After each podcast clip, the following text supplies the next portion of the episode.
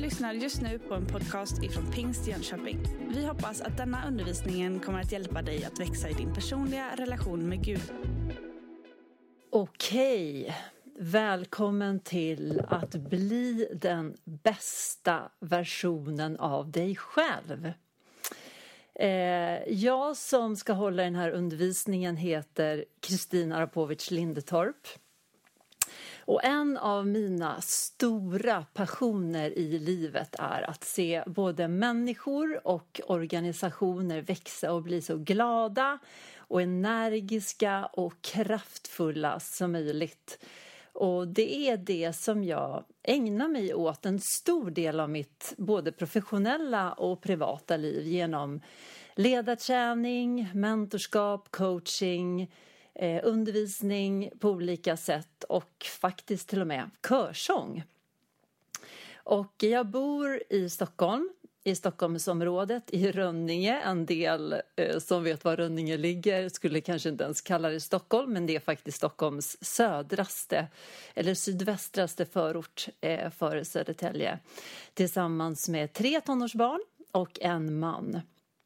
Och eh, jag ser jättemycket fram emot att dyka ner i det här ämnet tillsammans med er. Att bli den bästa versionen av sig själv. Eh, för att eh, jag vet att det här temat kan skava för ganska många. Särskilt inom eh, en kyrklig kontext. Eh, där, man, där jag kan möta frågor som men, men får jag bli den bästa versionen av mig själv? Eh, när Jesus pratar så pratar han ju om att vi ska tvätta varandras fötter. Eh, så ska jag då tänka på hur jag blir den bästa versionen av mig? Eh, en annan fråga som jag mött är att oh, måste jag nu också bli den bästa versionen av mig själv? Räcker det inte att jag bara är och finns till? Och eh, en tredje fråga kan jag vara okej, okay, men om jag nu vågar tänka tanken att bli den bästa versionen av mig själv, hur i hela friden gör jag då det? Eh, och som sagt, det här är ju en av mina stora passioner i livet. Så att eh, jag ser fram emot att dyka i den här frågan. Och på vägen så kommer vi prata om ekollon, vi kommer prata om dans, vi kommer titta på skapelseberättelsen, om begreppet shalom.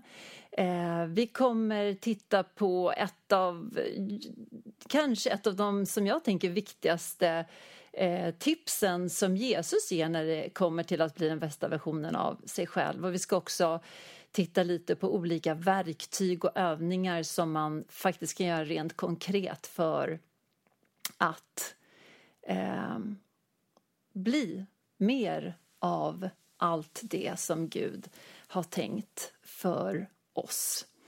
Eh, jag fick en gång frågan i ett sammanhang när jag pratade om de här frågorna att eh, men, det var en tjej som räckte upp handen och frågade men alltså det här med att prestera.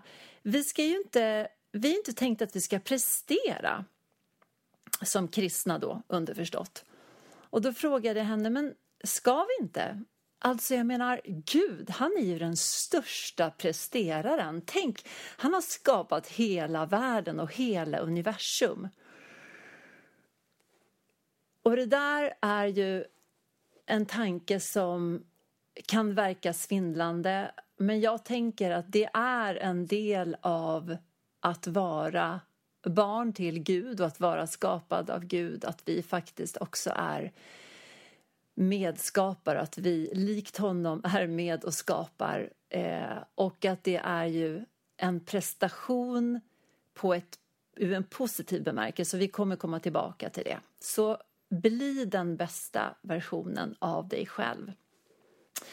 Eh, vi tar utgångspunkt, eh, utgångspunkt i Bibeln och det är ju en fantastisk bok på många sätt och den är också extremt svår på många sätt.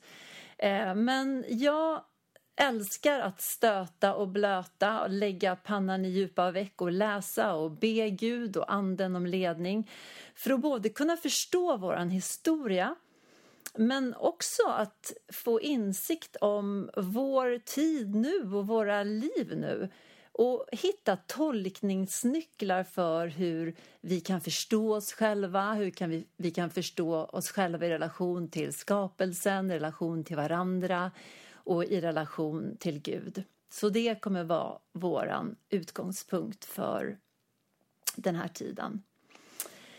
Eh, här har jag en påse med ekollon. Eh, jag var ute och plockade dem häromdagen, flera hundra stycken faktiskt, på ett litet ekträd som vi har här i trädgården.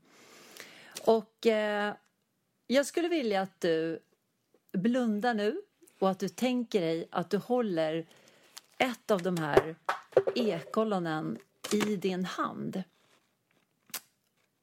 Och så tänker du och känner efter, hur känns det och hålla i det här lilla ekollonet och vad är det som du egentligen har i handen just nu?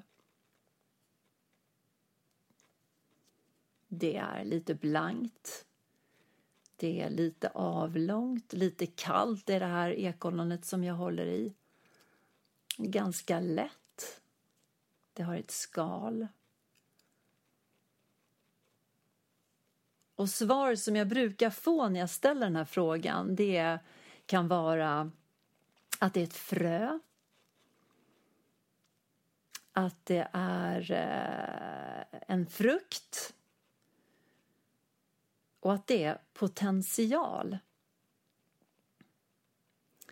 Och det jag skulle vilja att du tänker när du håller det här ekollonet i din hand det är att du faktiskt håller i en hel ek. För allting som behövs för att odla en ek finns just nu i det här lilla ekollonet som du håller i handen. Allting som behövs för att odla en ek håller du just nu i det här lilla ekollonet, i det tänkta ekollonet som du håller i handen. För om du skulle lägga det här ekollonet i ett glas med vatten så skulle det efter ett par dagar antagligen eh, slå ut små, små, början till små, små rötter ur det här ekollonet. Och när rötterna har vuxit ut, om du skulle plantera dem i jord så skulle, och vattna jorden så skulle de här rötterna växa sig starkare. Efter ett litet tag, faktiskt inte så länge, så skulle det spricka upp som små grenar med gröna blad på ur ekollonet.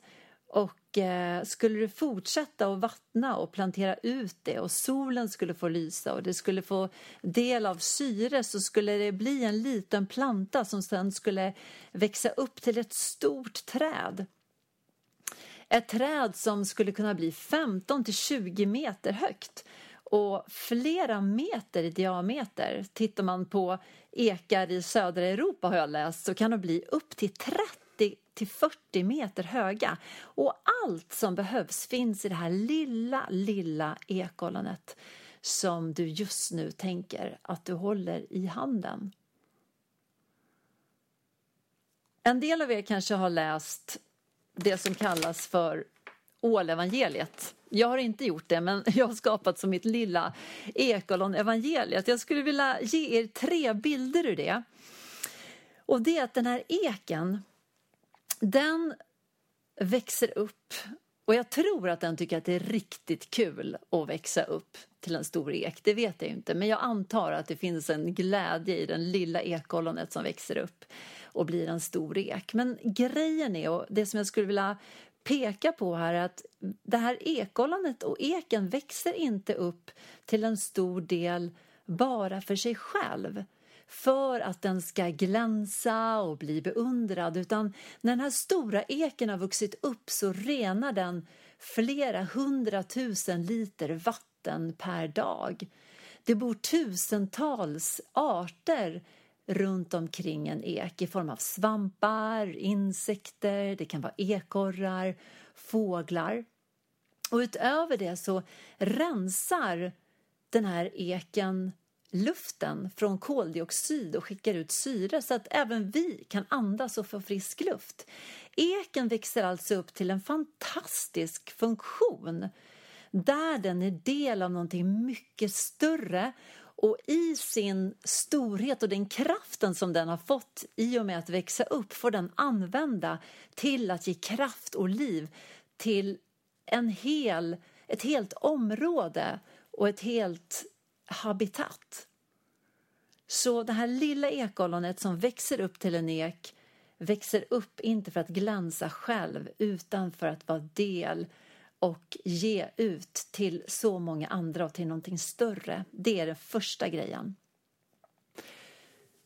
Den andra delen som jag skulle vilja peka på med ekollonet det är att allt som vi odlar växer.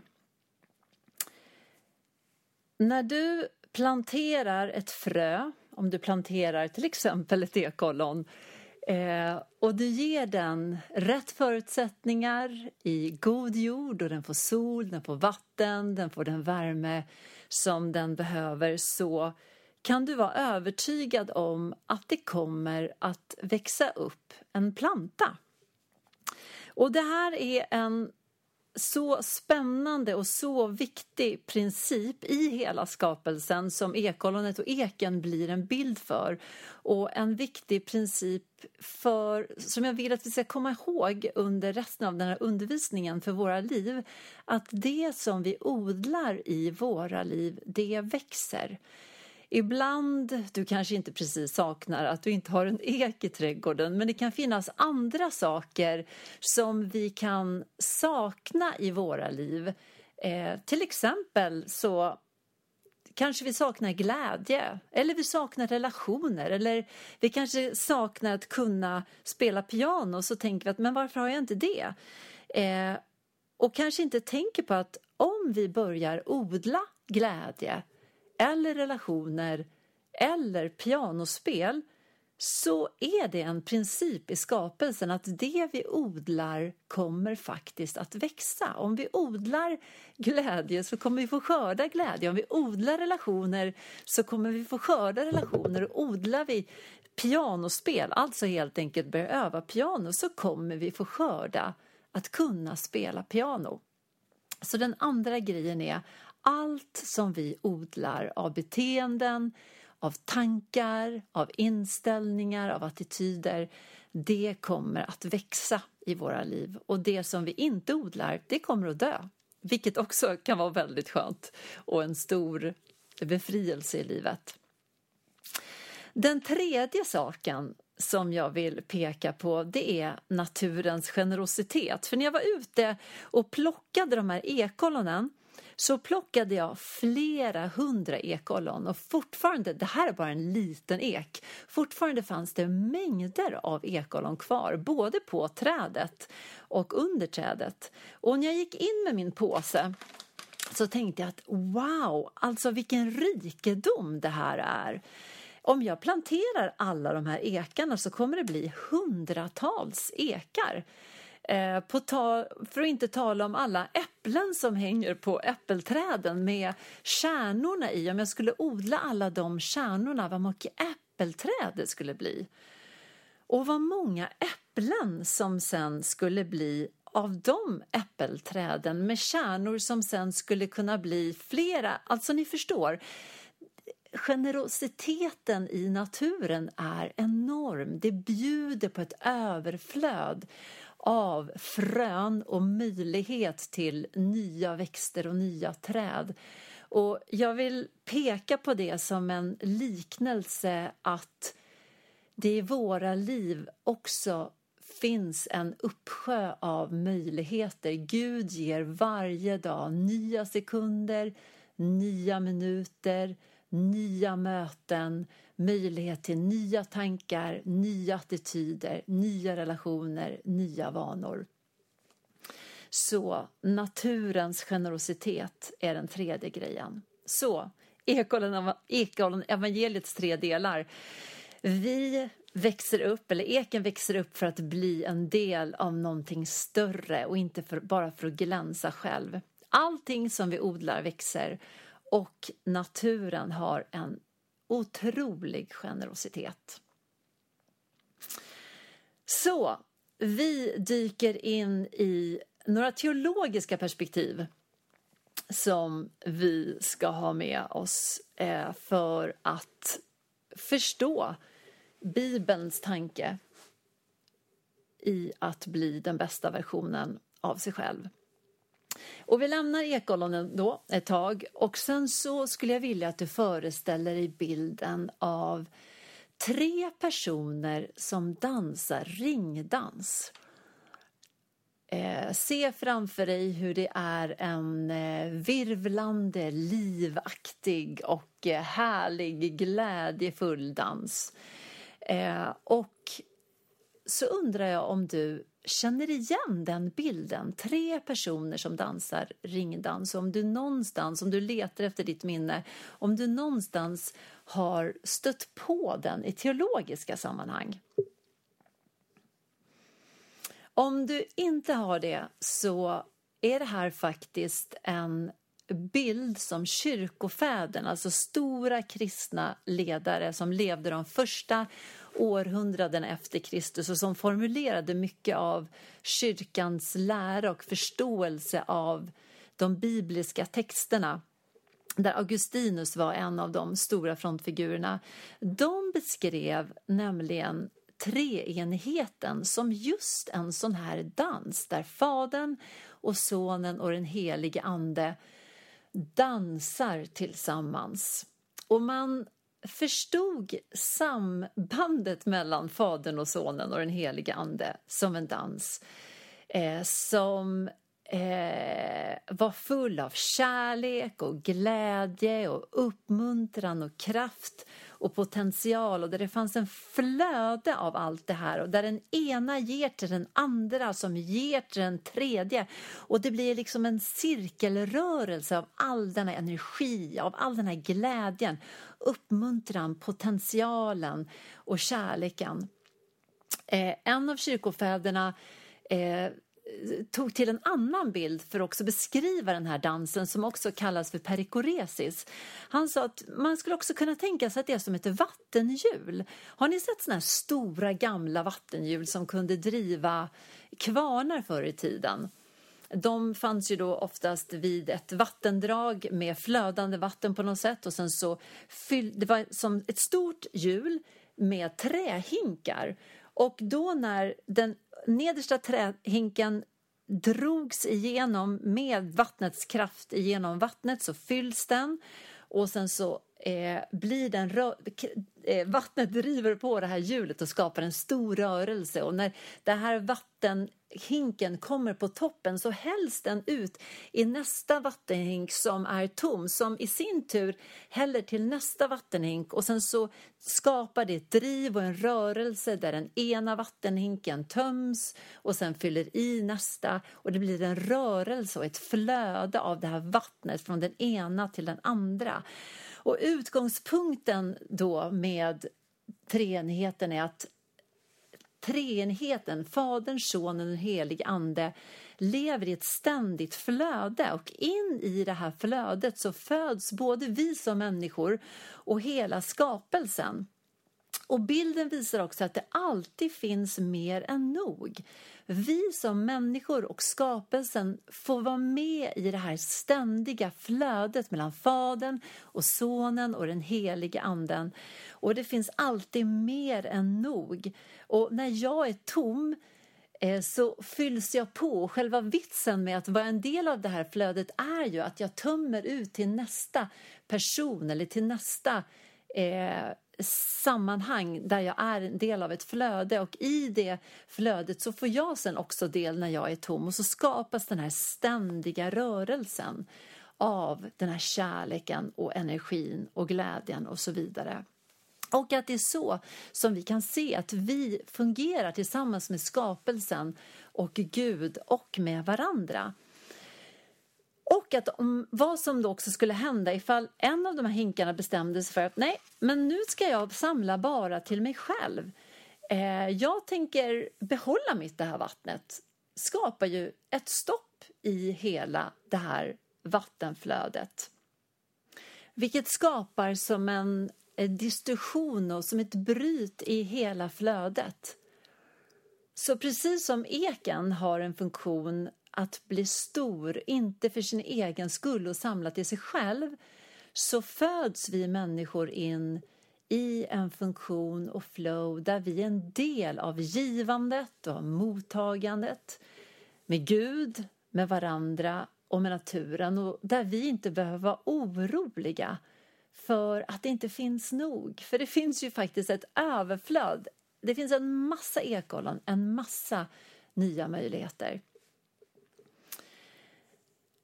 Jesus sa i Matteus 20, vers 25-28 så här. Men Jesus kallade dem till sig och sa Ni vet att folkens ledare uppträder som herrar över sina folk och att deras stormän använder sin makt över dem. Men så ska det inte vara bland er. Nej, den som vill vara störst bland er ska vara de andres tjänare och den som vill vara främst bland er ska vara de andras slav. Så har inte heller Människosonen kommit för att bli tjänad utan för att ge sitt liv till lösen för många. Så bilden av den här perikoresis, dansen mellan Gud, Fadern, Sonen och den helige Ande visar att vi föds in och vårt rätta element är att delta i ett flöde av utgivande och mottagande. Där ju faktiskt en utmaning i våra församlingar eh, kan vara att vi ser att vi behöver ge ut och ge ut och ge ut och kanske ibland behöver träna oss på att också ta emot, att inte bara andas ut utan också andas in. Den andra bilden som jag vill visa det är det handlar om ett av de viktigaste och mest centrala begreppen i Gamla testamentet men också i Nya testamentet och hela Bibeln. Och det är begreppet shalom. När du tänker på shalom, eller när jag tänker på shalom ska jag säga, så tänker jag framförallt på det som en hälsning som jag ofta hörde i Israel när jag var där som tonåring. Shalom, alltså man sa det ungefär som hej, men det betyder fred. Men grejen är att shalom, som jag förstått det, var... Shalom, som jag förstod det från början, var avsaknad av konflikt. Alltså när det är fred, då är det inte eh, konflikt. Men begreppet shalom innehåller så mycket mer. Det innebär hälsa, det innebär energi, det innebär glädje, helhet, välgång, kraftfullhet och blomstring. Och shalom i Bibeln är ett tillstånd där varje del i skapelsen fungerar i sitt rätta element utan förtryck och att utan, någon lev, utan att någon lever på bekostnad av någon annan. Och här kan vi se starka kopplingar till perikoresis, alltså den här dansen. Det är ett flöde. Det är ingen hierarki, utan vi lever alla i ett flöde där vi har olika funktioner och där vi har olika roller men där varje del av skapelsen får leva i sitt rätta element utan att någon lever på bekostnad av någon annan.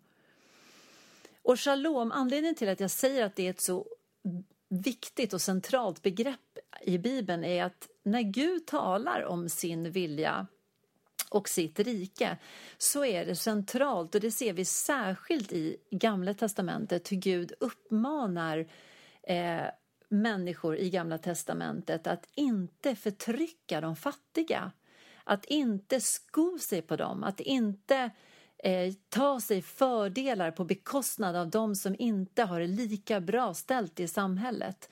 Att se efter att den faderlösa, att änkan får sin rätt. På den tiden fanns ju inte socialsystem på det sättet som det finns, särskilt i vårt land idag. Utan där var människor beroende av andra människors godhet och välvilja. Och Gud är väldigt skarp. Är det någonting som han är extremt skarp på så är det att inte förtrycka de som är svagare än oss.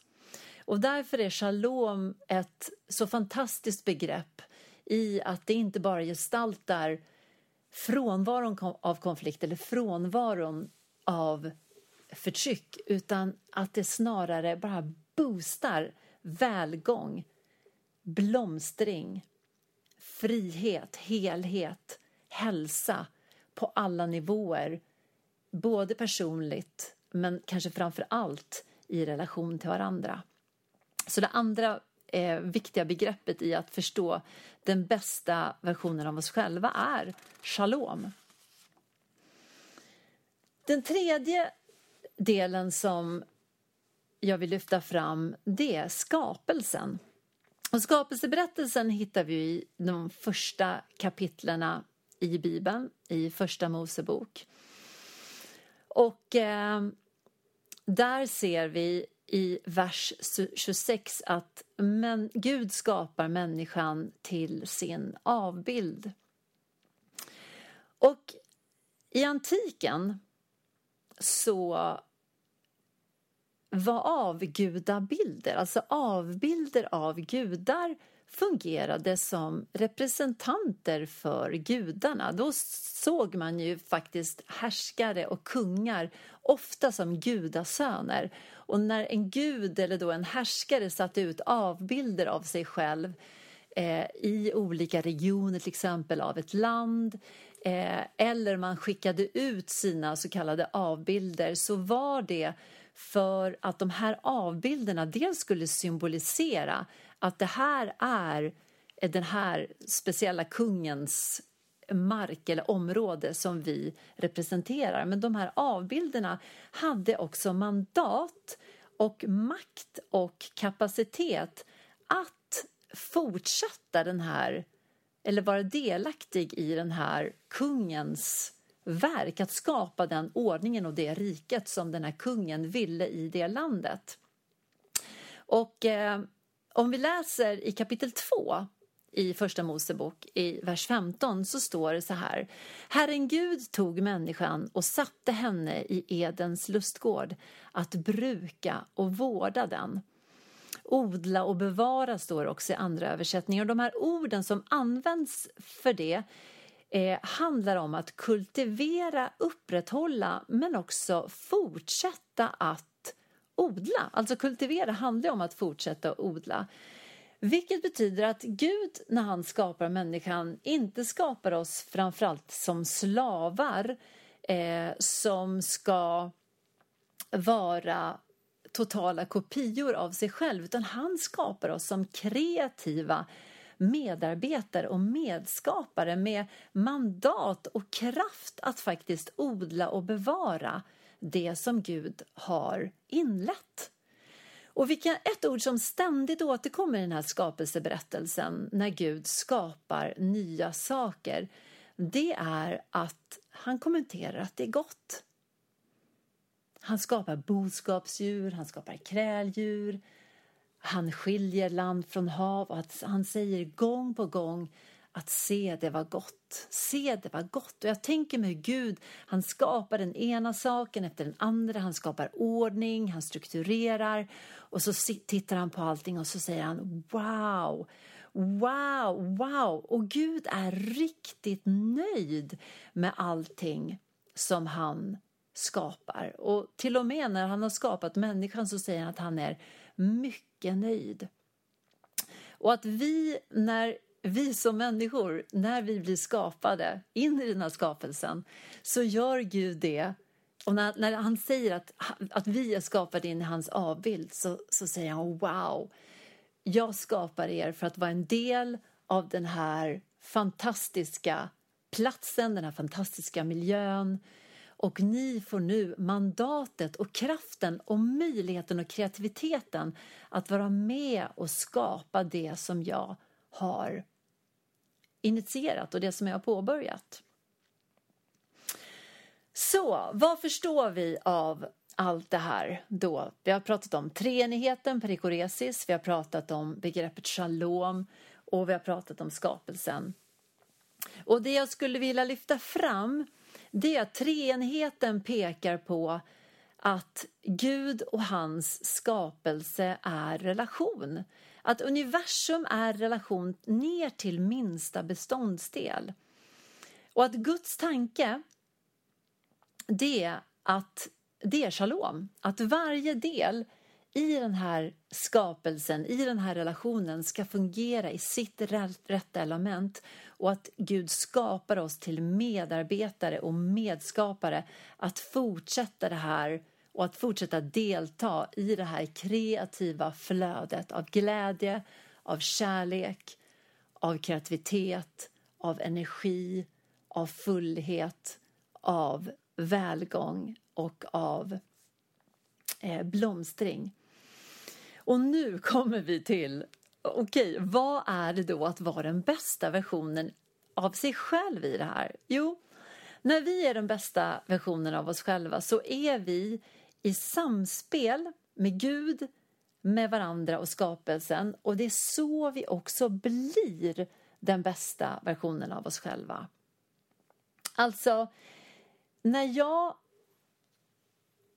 lever och strävar efter att bli den bästa versionen av mig själv så finns det en glädje i det. Precis som jag tänker att eken tycker att det är kul, att, eller ekollonet tycker att det är kul att växa upp och bli en stor och kraftfull ek. Och vi kan ha en glädje i att växa upp och utvecklas som personer i allt det som Gud har skapat oss i.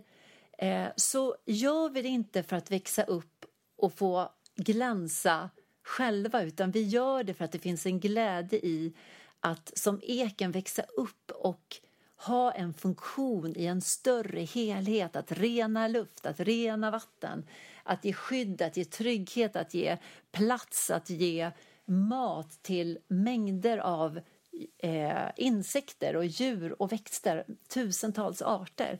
Så jag blir den bästa versionen, inte för mig, utan för dig. Och du blir den bästa versionen av dig, inte bara för dig, fast du kan också tycka att det är kul, utan för att jag får del av det. Så att vi är skapade in i relation och allting som vi är, är vi i samklang med någon annan och för andra. Men andra finns också till för oss. Alltså vi finns till helt enkelt i det här flödet för varandra och när vi blir den bästa versionen av oss själva så blir vi det för varandra. Och det här är grundplåten för att förstå det bibliska perspektivet av att bli den bästa versionen av sig själv och som jag tänker också möjligheten och kallelsen till att bli och vara de som vi är kallade att vara i det här flödet för att Gud har skapat oss in i det. Och jag vet inte hur du tänker och känner, men om jag ska vara ärlig så när jag skrev på det här så tycker jag att det skaver lite grann det här med att okej, okay, alltså jag kan tycka att det är helt okej okay. nu är jag väldigt ärlig här med er, att känna att ja, men jag kan bli den bästa versionen av mig själv för andra. Det känns ju kul. Men det finns någonting som skaver lite i mig att jag ska vara beroende av andra personer. Okej okay, och vara beroende av Gud, men alltså beroende av andra. Eh, det finns någonting som känns väldigt, och nu hör jag att jag tänker när jag pratar, men att det finns någonting som känns lite skönt med att tänka att jag är oberoende av andra. Jag läste häromdagen om en psykolog som eh, svarar på läsares frågor i en av de största dagstidningarna. Och hon sa att en av de vanligaste frågorna som hon får av personer som skriver till henne är Vad är det för fel på mig? Vad är det för fel på mig? Och att en av våra största rädslor som människor är att inte vara någon eller att inte vara något. Och jag tänker att det här hänger ihop med det sättet som Gud har skapat oss på. Så häng med här. För det som händer när vi går vår egen väg utanför det som Gud har tänkt är att det som vi fick som gåvor att ge vidare i den gemensamma dansen i en del av det här flowet och att vi också är beroende av andras flow till oss. Det använder vi istället för att bygga våra egna små riken. Alltså jag, pratar jag nämnde ju det här, tänk om en av de här vattenhinkarna i det här vattenhjulet helt plötsligt skulle stanna upp och säga nej, men jag har inte lust att ge vidare mitt vatten till nästa hink. Jag vill ju behålla det för mig själv. För tänk om det inte finns tillräckligt mycket vatten av mig, om jag inte får mer. Alltså här kommer ju det här skavet in i att vara beroende av andra. Tänk om det inte finns tillräckligt mycket till mig. Om den här vattenhinken skulle börja stanna upp och inte ge vidare så blir det ju ett bryt i hela vattenhjulets funktion. Hela rörelsen stannar upp. Och jag tänker att det är det som händer när vi väljer att gå vår egen väg, alltså inte vara en del i dansen, inte vara en del i både givandet och tagandet. Att det som vi har fått för att ge som gåva och den beroendeställningen inom stationstecken som vi sätter oss själva i när vi är i dansen när vi inte vill ta emot och vara beroende av andra och all den sårbarhet som det faktiskt innebär, det gör att själva flödet och Guds tanke, det blir ett bryt och en distorsion i det. Jag var på Globen för ett par år sedan och lyssnade på bland annat Helen Sjöholm och jag kommer ihåg hur jag satt där och lyssnade. Jag tror att det var en eh, det var låtar från musikalen Chess. Och jag kommer ihåg jag satt där i Globen och bara njöt och jag tänkte vilken välsignelse sångare är till den här världen. Vilket uppmuntran, vad mycket kraft man får att lyssna på en fantastisk sångare.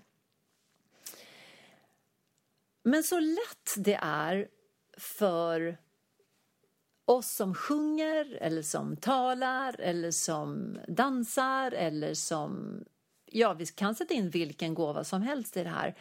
Att använda sångrösten inte bara för att ge kraft och välsignelse utan faktiskt för att vi vill ha applåder och för att vi vill bygga vårt eget lilla rike och sätta oss på en pedestal.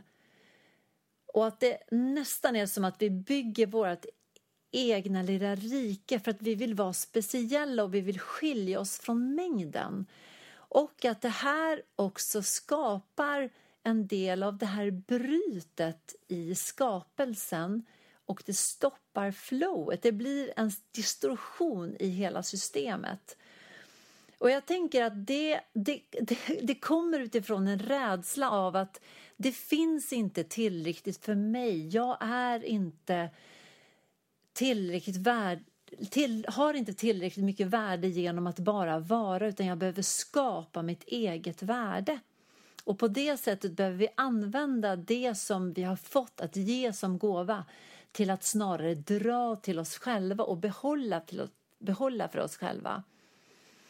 Men vi är ju skapade med ett värde, vi är skapade in i det här flowet. Utifrån det som, och utifrån det så får vi ge ut. Vi ger inte ut för att få värde. Och jag tänker att det här är en viktig del i att förstå att bli den bästa versionen av sig själv. Att ofta kopplar vi ihop att bli den bästa versionen av oss själva med en prestation där vi ska prestera för att få applåder där snarare vi kan förstå att bli den bästa versionen av oss själva som ett sätt att på det mest kreativa, generösa, glädjefyllda sätt vi kan istället tänka att hur kan jag vara en del av utflödet till Gud, till skapelsen och till mina medmänniskor och till mänskligheten utifrån de gåvorna som jag har fått. Andy Crouch har skrivit en bok som heter Playing God där han säger så här The question is not actually whether we are playing God. The question is whether we are idol makers or icons. The question is not actually we, whether, whether we are playing God. The question is whether we are idol makers or icons. Alltså, han menar att frågan är egentligen inte om vi agerar gudomligt, för det gör vi. Det gör vi i att vi, hel, i, att vi i och med att vi hela tiden är med och skapar och är hela tiden med och kultiverar. I allting som vi gör är vi en del av att agera i Guds skapelsen.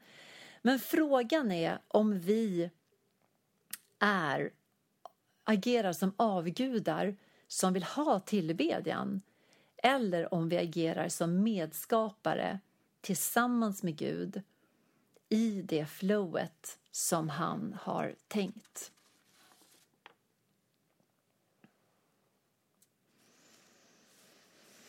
Det finns en annan amerikansk teolog som också är franciskanermunk, Richard Rohr, som i sin bok The Divine Dance, som handlar just om perikoresis, eh, den här heliga dansen, han säger så här. In the life of the Trinity you can always rest inside a certain kind of deep contentment. It's all foundational good, foundationally good and okay. This moment is as perfect as can be, and I do not need to state my preferences moment by moment or write my commentary on everything. Alltså, i, i livet i treenigheten så kan vi alltid vila i en djup förnöjsamhet. Att allt är grundläggande bra och okej. Okay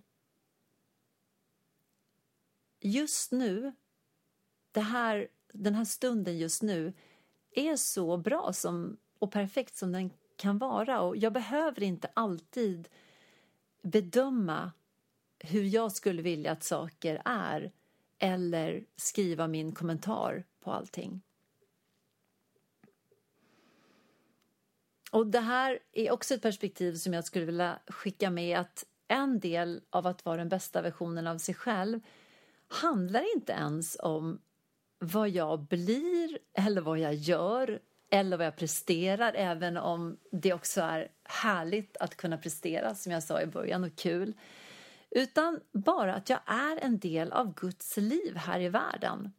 Alltså, när jag är en del av Guds skapelse så är det gott. Everything is foundationally good and okay.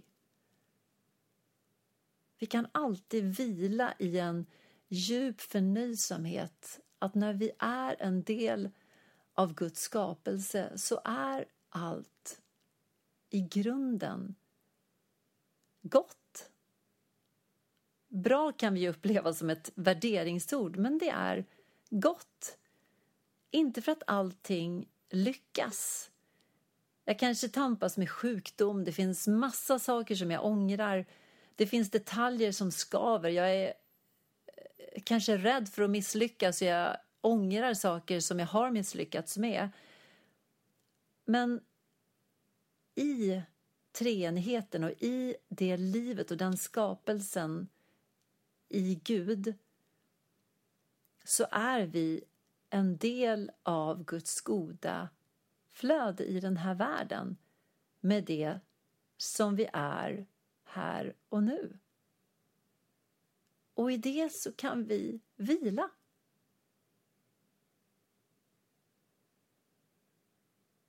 Och det har funnits många tillfällen den här hösten där det inte har känts som shalom i mitt liv och där jag har gått och upprepat det här för mig själv.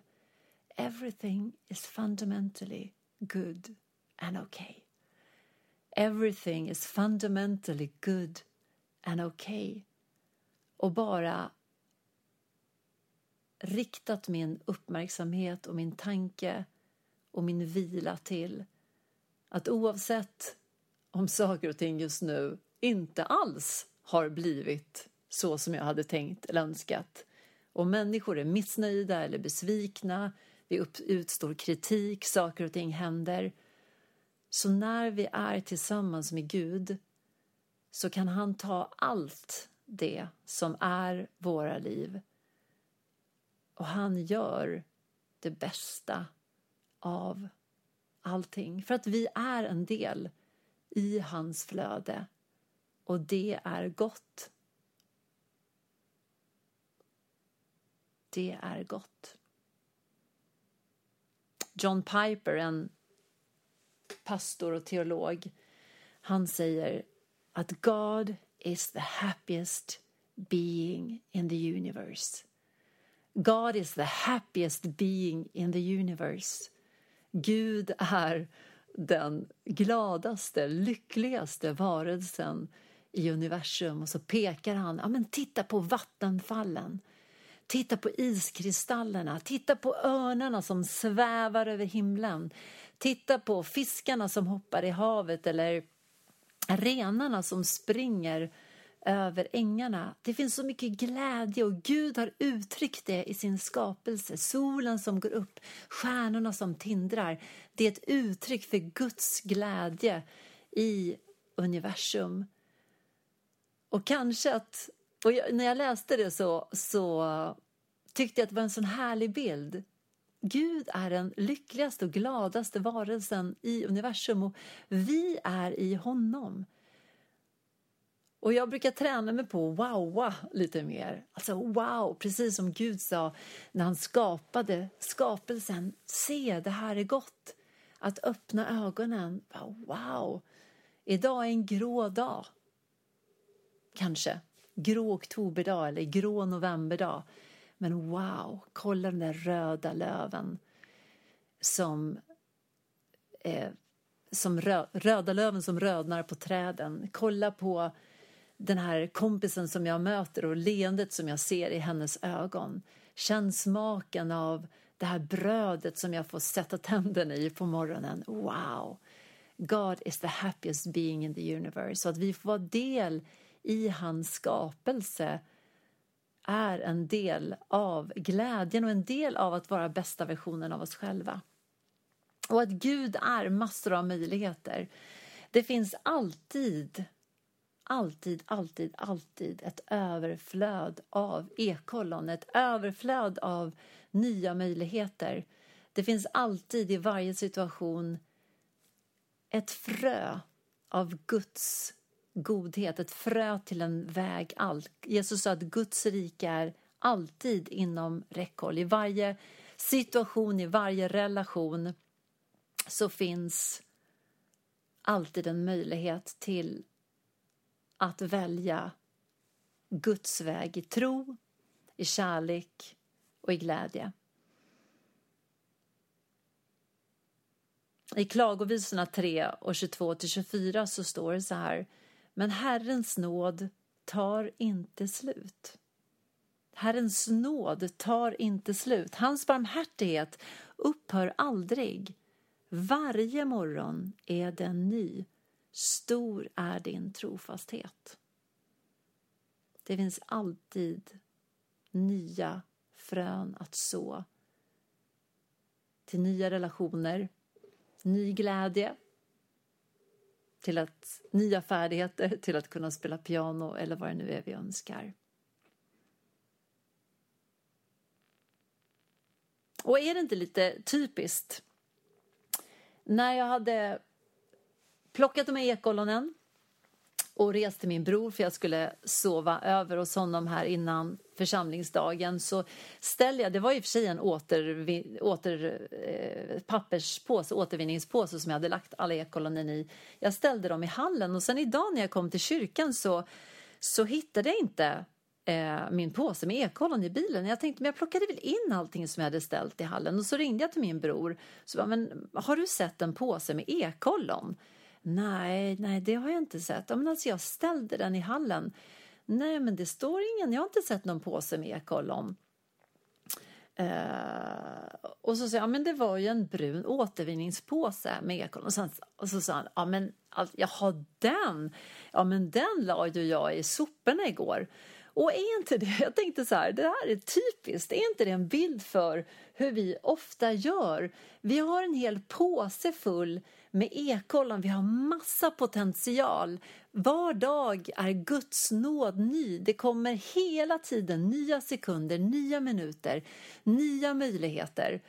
Och vi känner inte igen dem. Vi ser att det här är ju bara en återvinningspåse eh, och vi ser inte ens att den är full med hundratals ekollon som kan bli hundratals träd och så slänger vi den. Så en av mina största böner det är ju Gud, hjälp mig att se alla de här ekollonen som jag har i mitt liv. Och vi ska strax gå vidare till att se på hur vi praktiskt kan göra för att bli den bästa versionen av oss själva i det här flödet som är Guds. Okej. Okay. Jag sa i början att vi skulle ehm, titta på en av Jesus bästa tips för att bli den bästa versionen av sig själv. Och jag tänker att vi hittar den i Matteus evangeliet kapitel 7 i verserna 24 och till 29. Och det är när Jesus berättar om huset på berggrunden och huset på sanden. Och Jesus säger så här. Den som hör dessa mina ord och handlar efter dem är som en klok man som byggde sitt hus på berggrund. Regnet öste ner, floden kom, vindarna kastade sig mot huset. Men det rasade inte eftersom det var byggt på berggrund. Och den som hör dessa mina ord men inte handlar efter dem är som en dåre som byggde sitt hus på sand. Regnet öste ner, floden kom, vindarna blåste och störtade sig mot hans hus och det rasade och raset blev stort. Vad, det här handlar om två män.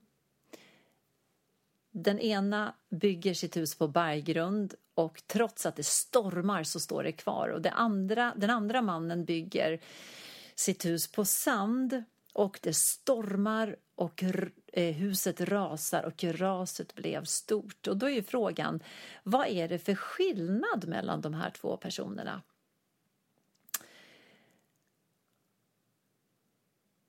Och för den uppmärksamme så, så står det ju att den som bygger huset på berggrund han är som, min, som en man som hör dessa mina ord och som handlar efter dem.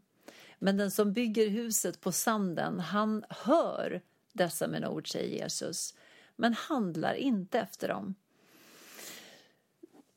Så Jesus stora ledarskapstips här är att vi ska lyssna och vi ska göra. För det är så som vi bygger stabila hus, det är så som vi bygger stabila liv. Eh, så att jag tänkte att vi skulle titta lite på hur gör man när man hör och gör. Om vi börjar med höra så handlar det om att både ha ett inre lyssnande och ett yttre lyssnande och att vara uppmärksamma. Om vi börjar med det yttre lyssnandet så iaktta vad det är när det handlar om att bli den bästa versionen av sig själv. Eh, så ska jag säga först, kanske inte du alls vet vad du ska bygga på. Alltså, vad är det som är jag? Vad är det som är min, mina gåvor? Vad är det som för mig att vara en del i den här dansen? Om varje del i skapelsen ska agera och i sitt rätta element, ha ett flow i sitt rätta element, vad är det som är jag? Så skulle jag föreslå att du iakttar vad som växer runt omkring dig. Alltså, var uppmärksam. Jag gick på 90-talet, eh, jag tror att jag var omkring 25 år, Eh, den här Fisken i vattnet-kursen från Willow Creek som en del av er kanske känner igen. Där man skulle kartlägga sina gåvor och eh, ja, lite faktiskt som som jag pratar om här. Och då var en av uppgifterna att man skulle fråga några av sina pastorer och egna ledare vad de såg för egenskaper hos en. Och då skrev alla ledarskap. Vilket gjorde mig jätteförvånad och nu när jag tänker efter så är det jättekonstigt att jag blev jätteförvånad för sen jag var tonåring så har jag samlat människor till ungdomssamlingar, till ungdomskör, till olika körer av andra slag, till konferenser. Jag har satt upp musikaler. Och så blev jag jätteförvånad över att de sa ledare. Och då kan man ju tänka att jag hade lite dålig självinsikt. Och så kan det vara, menar jag. Att vi gör saker som faller naturligt för oss men vi kanske inte riktigt ser ändå vad det är vi bidrar med. Så fråga personer i din närhet. Vad ser du växer runt omkring mig? Alltså vad är det som, när jag är i mitt rätta element, vad finns det? Vad gör jag? Vad växer? Vad inspirerar jag till? Det kan vara till byggande, det kan vara till eftertänksamhet, det kan vara glädje, det kan vara gemenskap, det kan vara kärlek, det kan vara utmaning, det kan vara praktiska saker, det kan vara en känsla. Så var uppmärksam på vad som händer utanför dig. Eller vad folk ger dig cred för, bara spontant. Den andra saken är lyssna inåt.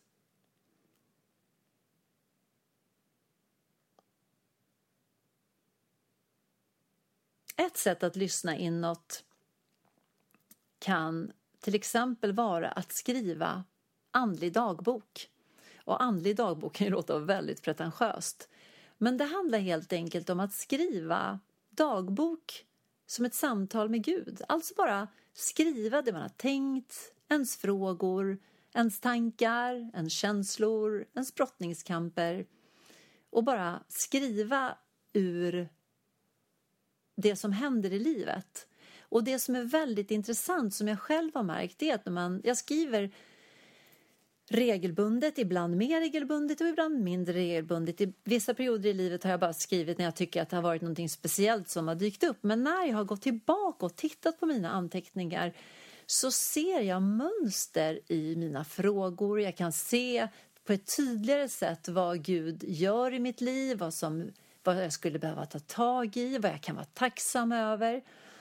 Så skriv andlig dagbok och se, läs efter hand vad du skriver. För Gud kommer att visa och du kommer att se tydligare vad det är som pågår i ditt liv och vad som Gud manar dig till. Ett annat sätt att lyssna är att helt enkelt lyssna till den inre maningen. Till den inre rösten, alltså Guds inre röst i dig. Och jag minns en gång när jag brukar alltid böja knä. När barnen var små brukade jag böja knä vid deras sängar när de hade somnat och lägga händerna på dem och be för dem. Och jag minns vid ett tillfälle, en, en av alla dessa perioder, när jag hade oro för barnen, så minns jag när jag eh, bad för min äldsta son där, hur Gud... Jag upplevde en inre maning att, ja men Kristin, du ska inte be utifrån all din oro som du gör nu, utan be utifrån det som du ser att Gud har eller det som du upplever att Gud har för din son. Och så la jag märke till den där rösten och sen så började jag be, inte på det sättet att jag negligerade allt som oroade mig, utan istället för att upprepa oron för mig själv och inför Gud så började jag be utifrån det som jag såg att Gud, eller det jag upplevde att Gud hade lagt i Albins liv. Och det var inte så högtravande som att jag såg syner eller så, utan jag bad för att det som Gud hade lagt ner som gåvor i Albin, att det skulle få växa, att han skulle få många vänner, att han skulle också få till välsignelse, att han skulle lära känna Gud. Alltså det var inga stora eller komplicerade saker och jag märkte att det gav både en styrka och stabilitet i min bön men det gav också mig en annan ro och frid i att vara förälder. Och Det kanske inte applicerar på alla bönesituationer men jag upplevde den inre rösten och jag följde den rösten. Och jag vill uppmuntra dig också att var uppmärksam på den inre rösten. Är det någonting som Gud manar dig, kanske bara som en svag aning eller svag röst att göra? Lyssna till det. Naturligtvis så hör vi ju också Gud som vi har gjort idag genom att läsa Bibeln, genom att se på teman i Bibeln, genom att förstå och försöka tolka hur Gud ser på våra liv och vad han vill och att det också är en form av lyssnande. Lyssna till dina känslor. Vad är det som gör dig glad? Vad är det som gör dig frustrerad? Och är det någonting som Gud pekar på genom dina känslor? Är det någonting som Gud pekar på i din frustration? Är det någonting som du ska ta tag i? Någonting du ska göra upp med? I din glädje? Är det någonting som du ska fortsätta att göra mer av för dig själv och för andra? Så lyssna, att höra vad Gud säger, vad Gud manar till. Och sen den andra delen då att göra. En filosof och teolog som hette Dallas Willard, han skriver så här. The general human failing is to want what is right and important but at the same time not commit to the kind of life that will produce the action we know to be right and the condition we want to enjoy. Alltså en väldigt vanlig mäns ett vanligt mänskligt misstag är att vi vill ha det som är bra och det som är viktigt. Men å andra sidan vill vi inte överlåta oss till det sortens liv som faktiskt producerar de handlingar som vi vet kommer leda till det här. Alltså till exempel om jag vill vara en pigg person som är utvilad men jag vill inte gå och lägga mig så att jag sover ordentligt. Då har ju en stark önskan om att vara pigg men jag vill inte överlåta mig till den sortens liv eller den sortens vanor som faktiskt producerar den här piggheten. Och att det ofta kan vara en, som eh, Dallas Willard säger, ett vanligt mänskligt misstag. Så när du upplever de här sakerna, när du lyssnar in Gud i vad Gud säger både till det yttre och till det inre, vad behöver du då göra utifrån det? Och en av de viktiga person, eh, eh, his, eh, berättelserna som har inspirerat mig vad det gäller att göra, det är berättelsen om Mose. Eh, när Gud kallar Mose att gå in och befria Israels folk från Egypten så säger Mose, men om de inte tror på mig och inte lyssnar på mig utan säger att Herren inte har uppenbarat sig för mig frågar Mose. Då säger Herren, men vad har du i handen? En stav, säger Mose.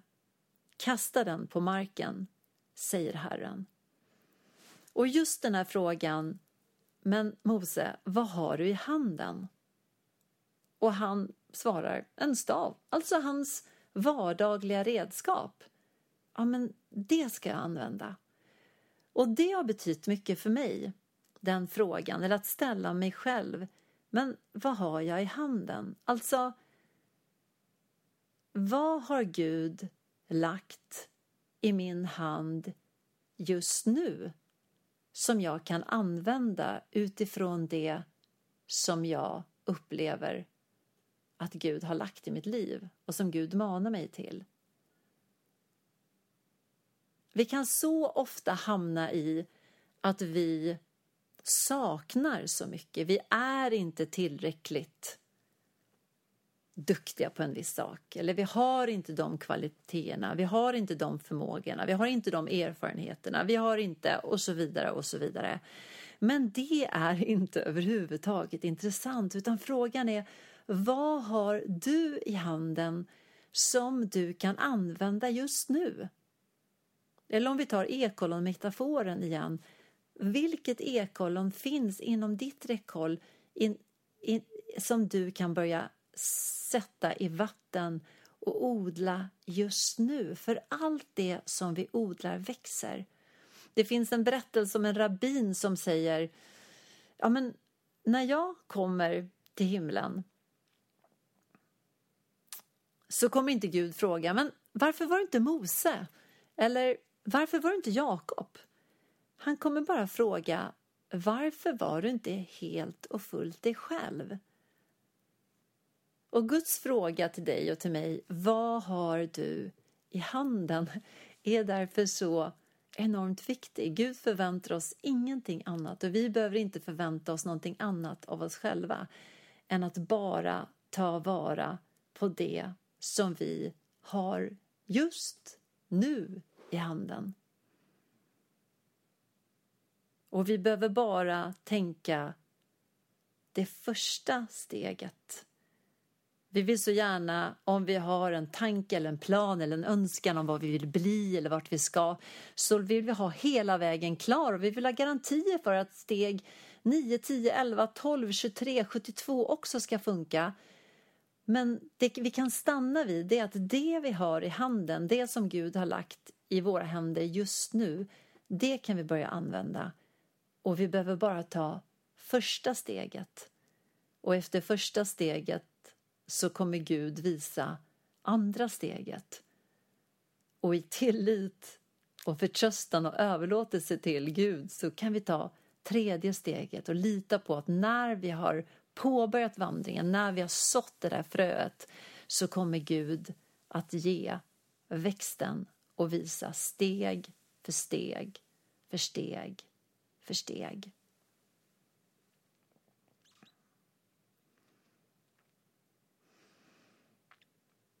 En annan viktig del som jag har sett i mitt eget liv och för många andra, i många andras liv också en, ett behov av, kanske speciellt i den här tiden där det finns så enormt mycket möjligheter och erbjudanden som snurrar och pockar på runt omkring oss. Det är att ha en tydlighet i vad är det jag vill vara, vad upplever jag att Gud kallar mig till? Och kallar mig till, då menar jag inte missionär till Afrika utan var är det Gud har satt mig just nu? Vad är det jag i lyssnandet upplever att Gud har lagt i min sfär? Vilken del i det här flödet är min? Så behöver vi ha en tydlighet i det för att kunna säga ja till saker och kunna säga nej till saker. Stephen Covey som är en, en eh, eller var en, en eh, nu tvekar jag på orden, han var beteendevetare men också jobbade mycket med ledar, organisationsutveckling. Han säger If we don't have a clear idea about what is important, of the results we desire in our lives, we are easily diverted into responding to the urgent. Alltså om vi inte har en tydlig idé vad som är viktigt och om de resultat som vi längtar efter att se i våra liv så blir vi lätt splittrade och responderar till det som är bråttom. Alltså vi behöver ha en tydlig bild av vad det är vi ska säga ja till för att också kunna säga nej till det vi ska säga nej till. Och en övning som, som jag skulle vilja rekommendera för dig om du är lite frågande om, om vad som är din grej och din, ditt mål i livet, det är att, att ta tid vid något tillfälle och fundera över ett par saker tillsammans med Gud. Alltså, det, det första är, vem vill du vara? Alltså vilken, vilken karaktär vill du ha? Och jag tänker när jag frågar vem vill du vara, vad upplever du att Gud har lagt i ditt liv och att Gud manar dig till? Och jag tror, min övertygelse är också att våran längtan kopplar till Guds vilja i våra liv, att vi alla har en möjlighet, en kompass att känna av det. Så tänk inte bara att du ska lyssna vad Gud vill någonstans om du upplever att det känns långt borta utan vad upplever du att Gud i ditt liv har visat dig när du lyssnar in? Vill, vad vill du att ditt liv ska dofta? Vilken typ av person vill du vara? Det är den första frågan. Vad vill du sprida omkring dig? Den andra är vad vill du göra? Alltså det här handlar om insats och prestation. Alltså utifrån den personen som du vill vara, vad vill du också göra? Hur ska det här som du vill sprida och dela och flowa med i världen, hur tar det sig i praktiskt uttryck? Och det tredje är, vilka principer och värderingar är viktiga för dig? Är det att lyckas på jobbet? Är det din familj? Är det relationer? Är det äventyr och bryta ny mark? Är det att snarare bygga bo och skapa trygghet? Alltså, vad är det för principer och värderingar som är viktiga för dig? Så första frågan, vem vill du vara som handlar om karaktär och doften runt omkring dig? Vad vill du göra? Alltså hur ska det gestaltas i insatser och prestation? Och vilka principer och värderingar vill du kunna navigera efter? Och när du har samlat de tankarna så är en väg att gå för att kunna få det lite mer konkret ner i ditt liv är att fundera på vilka roller som du har i livet. För mig skulle det till exempel kunna vara mamma. Det är en roll. Syster och vän. Livskamrat. Lärare. Körledare. Granne skulle kunna vara några. Och sen utifrån de rollerna, jag brukar göra som en tårtbit och sen så gör jag sju stycken tårtbitar och så skriver jag i de rollerna. Och så funderar jag på, okej, okay, men vad längtar jag efter i respektive roll? Hur skulle jag vilja att jag som mamma är utifrån de här tre frågorna. Vem vill jag vara? Vad vill jag göra? Och vilka principer och värderingar vill jag leva efter? Vad längtar jag i, res i, i respektive roll? Och var befinner jag mig nu utifrån det? Jag kanske befinner mig på en trea i min roll som mamma. Hur förflyttar jag mig då till en fyra? Alltså vilka små, små steg kan jag ta för att förflytta mig till en fyra?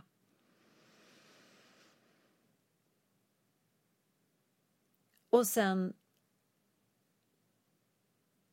en tredje övning utifrån de här övningarna är ju att fundera på både almanackan och mina tankar. Vad, vad, vilka aktiviteter behöver jag boka in i almanackan utifrån de här rollerna och vad jag längtar efter och de aktiviteterna som jag har sett att jag skulle behöva göra. Vad behöver jag göra i min roll som mamma? Vad skulle jag behöva boka in i min roll som fru eller i, i min roll som ledare eller lärare?